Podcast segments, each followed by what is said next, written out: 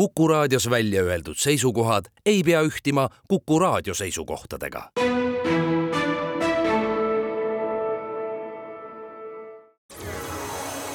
loodusajakiri, vaata ka looduseajakiri.ee tere, head reede õhtu jätku kõigile teile, kallid Kuku raadio kuulajad. täna on saates külas arheoloogid Ülle Aguraiu ja Läti Tallinna Ülikoolist, tervist! tere! ja Martin Malve Tartu Ülikoolist. Tervist! mina olen saatejuht Tiiu Rööp. ajakirjas Horisont on juba aastaid ilmunud artiklisari Luu-uurija leid ning suve lõpu Horisondis, augusti-septembri Horisondis on selles sarjas artikkel, kes olid esimesed tallinlased tänased saatekülalised on selle loo autorid ja ma ei taha neid asetada olukorda, kus ma palun neil ümber jutustada seda, mida nad Horisonti kirja on pannud. sellepärast ma hea meelega küsiksin üldisemaid, laiemaid küsimusi selliste arheoloogia harude kohta, mida võib-olla asjasse mitte nii väga pühendunud inimene arvab teadvat, millega tegeletakse, aga võib-olla detailsemat pilti ei ole. nii näiteks oleks huvitav teada saada, mis asi on bioarheoloogia millega ta tegeleb? siinkohal kindlasti mitte segamini ajada, nagu tudengid aeg-ajalt viskavad nalja, et see on bioarheoloogia, vot see on bioarheoloogia. tegelikult on hästi selles mõttes lai termin, et see kätkeb ennast nagu kogu siukseid nii-öelda orgaanilisi jäänuseid, et mitte tegelikult ainult nii-öelda inimluid, mis on nii-öelda meie teemaks, et ta kätkeb ka igast orgaanilisi jäänuseid, taimejäänuseid näiteks, isegi koproliite. et Eestis on näiteks koera koproliite uuritud, et ka sellist valdkonda katab võin juurde öelda seda, et tihtipeale ta kasutatakse ka sünonüümina ka näiteks äh, luuarheoloogia või ostearheoloogia, et äh, mis sisuliselt erinevad nii-öelda uurimisrühmad kasutavad seda luu uurimise nii-öelda võtmes, et, et äh, tihtipeale, kui me näiteks vaatame Suurbritannias ilmunud uurimisi, siis seal on justkui bioarheoloogia aga kui me vaatame hästi palju näiteks Ameerika Ühendriikides, seal on siis ostearheoloogia, et, et on nagu noh, nad hästi palju kattuvad, aga noh, nende alla mahub nii palju erinevaid asju, et ja, ja siinkohal täpsustaks ka, et mina kindlasti ei ole tõupuhas äh, arheoloog, et äh, arheoloogiaga ma olen küll tegelenud oma elus palju, aga ma siiski meeldib ennast kutsuda ja, ja millega ma põhiliselt tegelen, on siis nii-öelda luuarheoloogia, ostearheoloogia. nimetan ennast siis nii-öelda luu-uurijaks on olemas ka selline mõiste nagu paleopatoloogia see on sinu valdkond? täpselt nii jah, et äh, tegemist on siis nii-öelda ka, kui hästi laialt öelda, siis nii-öelda minevikus põetud haigustega, et äh, mis on siis sellest ajast, kui nii-öelda meie mõistes meditsiini ei olnud olemas, et kuidas siis inimesed elasid äh, ränki nakkushaiguseid üle, kuidas need mõjutasid äh,, täiesti lihtsal plaanil, et äh, mis olid nii-öelda nende suuhügieen, hambahaigused, et minevikus põetud haigused kui sulle antakse luustik või kui sa osaled väljakaevamistel ja leiad luustiku, mida sa sealt ähm, välja loed? esiteks me näeme üldse, et kas ta on nii-öelda tervikliik, osaline, mis, mis ajast ta on, et seda võime näha, näiteks esemed on juures. aga näiteks, kui vaadata neid paleopatoloogilisest äh, vaatenurgast, siis kindlasti seda, et äh, kuidas ta on elanud, et äh, tihtipeale võib-olla kiputakse ära unustama seda, et, et kui neid matuseid uuritakse või kaevatakse, et, et siis justkui see üldsusele jääb mulje, et, et noh, hästi palju surma on, et ja küsitakse ka tihtipeale, et kas ma nii-öelda ei tunne ennast nagu morbiidsena, et pigem ma keeraks hoopis selle niipidi, et saame tegelikult rohkem teada ka, et nii-öelda sissejuhatus ka nii-öelda Ülle jutule, mis järgmine aeg tuleb, et me saame tegelikult inimeste kohta rohkem teada, kuidas nad elasid, kui seda, kuidas nad surid, et tihtipeale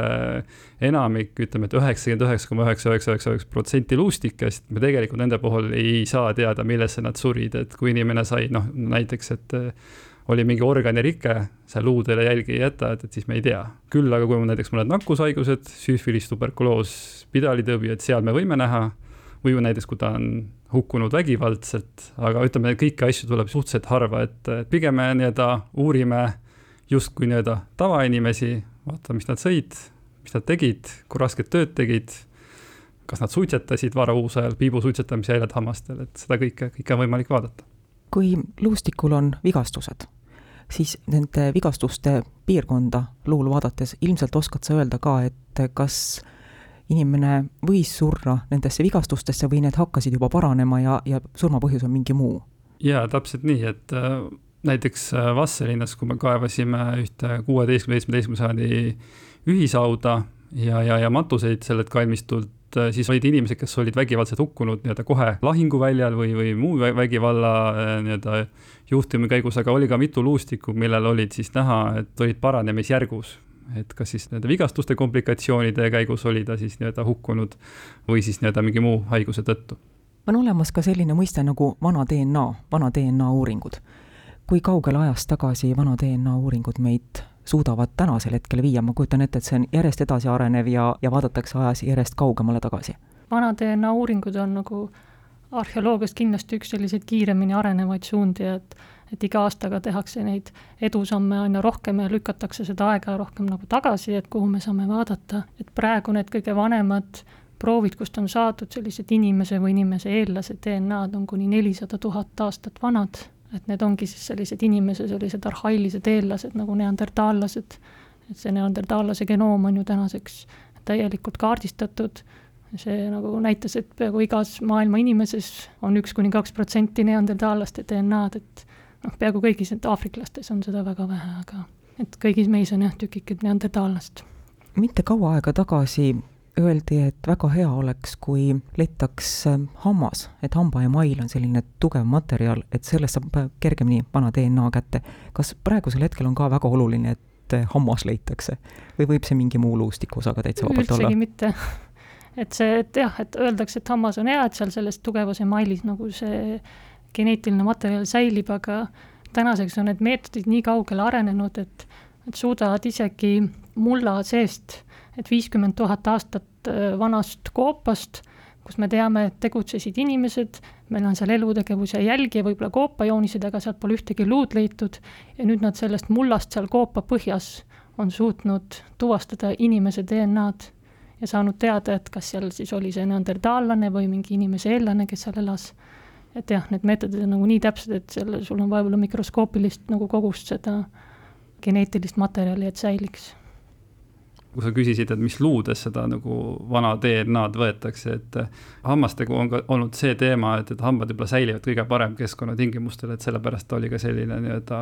hea leid, et kui on hammas, et siis on nagu nii-öelda DNA on nagu kindel, noh muidugi alati see ei ole, tuleb ka hamba säilivusest, aga nüüd on selles mõttes DNA nii-öelda eraldamine nendest luudest on läinud kõik nii palju paremaks, et, et eh, kasutatakse sõrmelülisid mis on nii-öelda ka niisugused nii-öelda heaks objektiks proovistamisel ja kolju seest pärineb siis kaljuluu, kus on siis nii-öelda kuulmekäik on sees, et ka sellest luust võetakse hästi palju vana DNA proove. küll nii-öelda luu-uurijana on see nagu minu jaoks nagu halb, et siis peab terve kolju ära lõhkuma, et seda kaljuluud sealt kolju seest kätte saada, aga selliseid variante kasutatakse.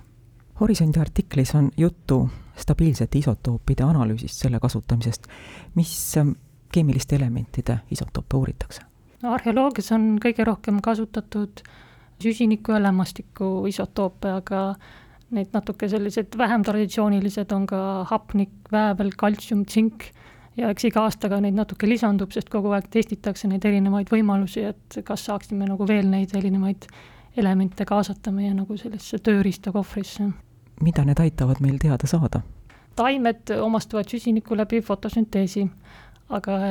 meres toimub see süsiniku omastamine teistmoodi ja siis sõltuvalt sellest, kas see inimene on siis tarbinud valdavalt maist toitu või merelist toitu,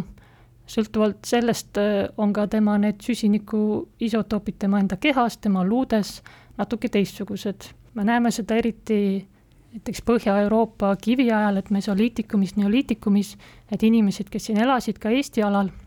et need isotoopanalüüsid on näidanud, et nende toit oli väga merekeskne, et nad küttisid hülgeid, kalasid ja isegi need inimesed, kes elasid sisemaal, nad elasid jõgede-järvede kallastel ja isotoobid näitavad, nad toitusid nendest mageveekaladest. ja siis, kui me võrdleme need, kui tuli see põlluharemine, karjakasvatajad, pronksi rauaaegsed inimesed, nende süsiniku isotoopid hoopis teistsugused, sest nende toit oli valdavalt maine, need olid teraviljad, kariloomad, et me näeme seda erinevust nagu väga hästi. see on süsinik, aga teised elemendid? Lämmastik on see teine, see räägib meile natuke teistsuguseid asju. lämmastiku isotoobid näitavad meile, et kus see inimene või, või loom või organism asus toiduahelas. et need lämmastiku isotoobid justkui nagu kasvavad iga toiduahela astmega, et kui me ütleme, et taimedel on see kuskil nulliringis, siis meil tulevad taimetoidulised loomad on natuke kõrgemal, sellised segatoidulised loomad veelgi kõrgemal kõige kõrgemal on siis need tippkiskjad, kes siis söövad teisi loomi ja teatavasti meredes on need toiduahelad pikemad, nii et, et kalad ja mereloomad on veel seal veelgi kõrgemal.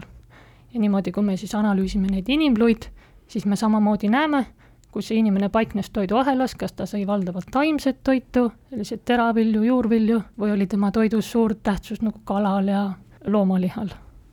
et jälle, kui me toome nagu Eestist näite, et me oleme uurinud keskaja eestlasi, et sellised äh, saksa aadlikud, nende toit oli ka väga selline liha ja kalarikas. meestel oli see ka, see loomaliha oli hästi tähtis ja kui me võtame siis kõrvale näiteks naised, lapsed, sellised äh, lihtrahvast, eestlased, külarahvas, neil on nagu hoopis selline teistsugune see isotoopide pilt, mis me näeme, mis nagu näitab, et see loomaliha ja kala söömine oli hoopis väiksema tähtsusega. et sellel nagu lihal oli mingisugune ka selline sotsiaalne väärtus. Kui ma rääkisin, et need lämmastiku isotoobid kasvavad iga toiduahela astmega, et äh, on selline üks selline väike inimgrupp, kes on teistest inimestest äh, ühe toiduahela astme kõrgemal ja need on rinnapiima saavad lapsed, kes sõna otseses mõttes toituvad oma emast. Et kui me siis teeme isotoopanalüüse väga nendest noortest skelettidest, kes olidki vastsündinud imikud, allaassed, me näeme, et nende need lämmastiku isotoobid on hoopis nagu palju kõrgemal kui kogu ülejäänud elanikkond. ja kui me siis nagu jälgime seda nii-öelda nagu lapsed saavad vanemaks, me analüüsime aina vanemaid lapsi, me näeme kuskil seal kahe-kolme-nelja-aastaste juures, need lämmastiku isotoobid hakkavad langema ja mida me põhimõtteliselt näeme, me näeme seda hetke, kui need mineviku inimesed hakkasid esmalt nagu neid lapsi võõrutama rinnast. ja minu arust on see nagu selline väga tänuväärne teema, mida uurida, sest see on miski, millest ajalooallikad ei kirjuta sellest, et kui kaua näiteks minevikus neid lapsi rinnapiima peal hoiti või millega neid võõrutati ja kui me läheme tagasi veel kaugemasse aega, kus ei olnud üldse kirjalikke allikaid, siis me ei saagi seda kuidagi uurida, sest see on nähtamatu põhimõtteliselt. aga et isotoopide järgi seda on nagu uuritud ja huvitav ongi see, et tänaseks on neid uurimusi nagu sadu, võib-olla tuhandeid tehtud üle maailma. Need kõik näitavad umbes sama asja, et äh, minevikus me võime minna väga kaugele aega tagasi, isegi neandertaallasteni välja. lapsi nagu ikkagi umbes sellesama ajaskaalas, see ajaskaala jäi samaks, et umbes kuuekuuselt neile esmalt hakati andma tahket toitu rinnapiima kõrvale ja see kestis kuni ühe-kahe-kolme aastaseni, kui rinnapiimast lõplikult loobuti mis me siis näeme, on, et see imetamise kestus on pigem evolutsiooniliselt kindlaks määratud ja kõik individuaalsed erinevused on rohkem olnud tingitud siis ema ja lapse võimalustest ja vajadustest, nii nagu see on ka nagu tänapäeval, et see kestus kindlasti nagu varieerus ühelt inimeselt ja lapselt teisele, aga seal on mingid sellised füsioloogilised asjad, mis on alati aegade algusest saati jäänud samaks, et kui pikalt see laps ikkagi vajas seda rinnapiima.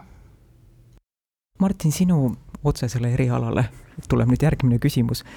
see klass inimesi, kes said endale lubada rohkem valgurikast toitu, rohkem loomset ähm, toitu, kas see peegeldub ka nende luustiku pealt, näed sa seda? võib peegelduda, kuid ka mitte alati, et nii-öelda isotoobid võib-olla nagu noh, ta annab nagu veidi nagu proportsioone, et üle saab täiendada mind siinkohal, kui nagu midagi rappa läheb mul praegu siin. aga et noh, et me, me näeme see nagu proportsiooni, et, et kindlasti on nii-öelda võib-olla see nii-öelda lihatoidu osakaal on suur, aga no mingil, mingil määral võib näha erinevust, näiteks kui me võtame Tartu toomkiriku, keskaegne nii-öelda toomhärrade ja kõrgvaimulike matmispaik ja kui me võtame Tartu külje alt näiteks mõne külakalmistu, siis me võime tõesti tõdeda, et, et toomkirikusse maetud inimestel on küll hammastel hambakivi ja kaariast, aga ikkagist mingil määral vähem kui näiteks maakalmistutel, et maakalmistutel näiteks võib-olla niisugune kolmekümne, neljakümne aastastel täiskasvanutel on juba pooled hambad eluajal juba välja langenud, et, et mis, mis võib-olla näitab seda, et tõesti nende nii-öelda lihatoidu osakaal oli väiksem ja võib-olla oli siis nii-öelda just mingi teraviljatoitude osakaal äh, suurem, et see mingil määral võib seda, võib seda näidata kindlasti. mis võib-olla niisugune otsesem on, et äh, Tartu toomkirikust on ka ühel mehe nii-öelda jalalabaluudel podagra tunnused, mis otseselt näitab niisugusele pillavale ja külluslikule elule, et seda on peetud ka nii-öelda paleede haiguseks nimetatud, et äh, näitabki siis just niisuguse valgurikka ja, ja toidu ja just lihatoidu suurt osakaalt ja just ka näiteks mingi noorloomade osakaalt toidus, et ja, ja ka suurt nagu rupskite justkui tarbimist, et, et, et sellest järgi võib nagu ääriveri järeldada, et, et, et toomhärrad on äh, mais-, saanud maitsta kõike paremat. saates olid külas arheoloog Ülle Aguraiu ja Läti ja Martin Malve, ostearheoloog. Saatejuht Tiir Ööp tänab külalisi ja kõiki teid, kes te meid kuulasite, kes olid esimesed tallinlased, sellest me saates poolt sõna juttu ei rääkinud, aga sellest saab lugeda ajakirja Horisont augusti-septembri numbrist saatekülaliste artiklist. head nädalavahetust kõigile ja jälle kuulmiseni! loodusajakiri,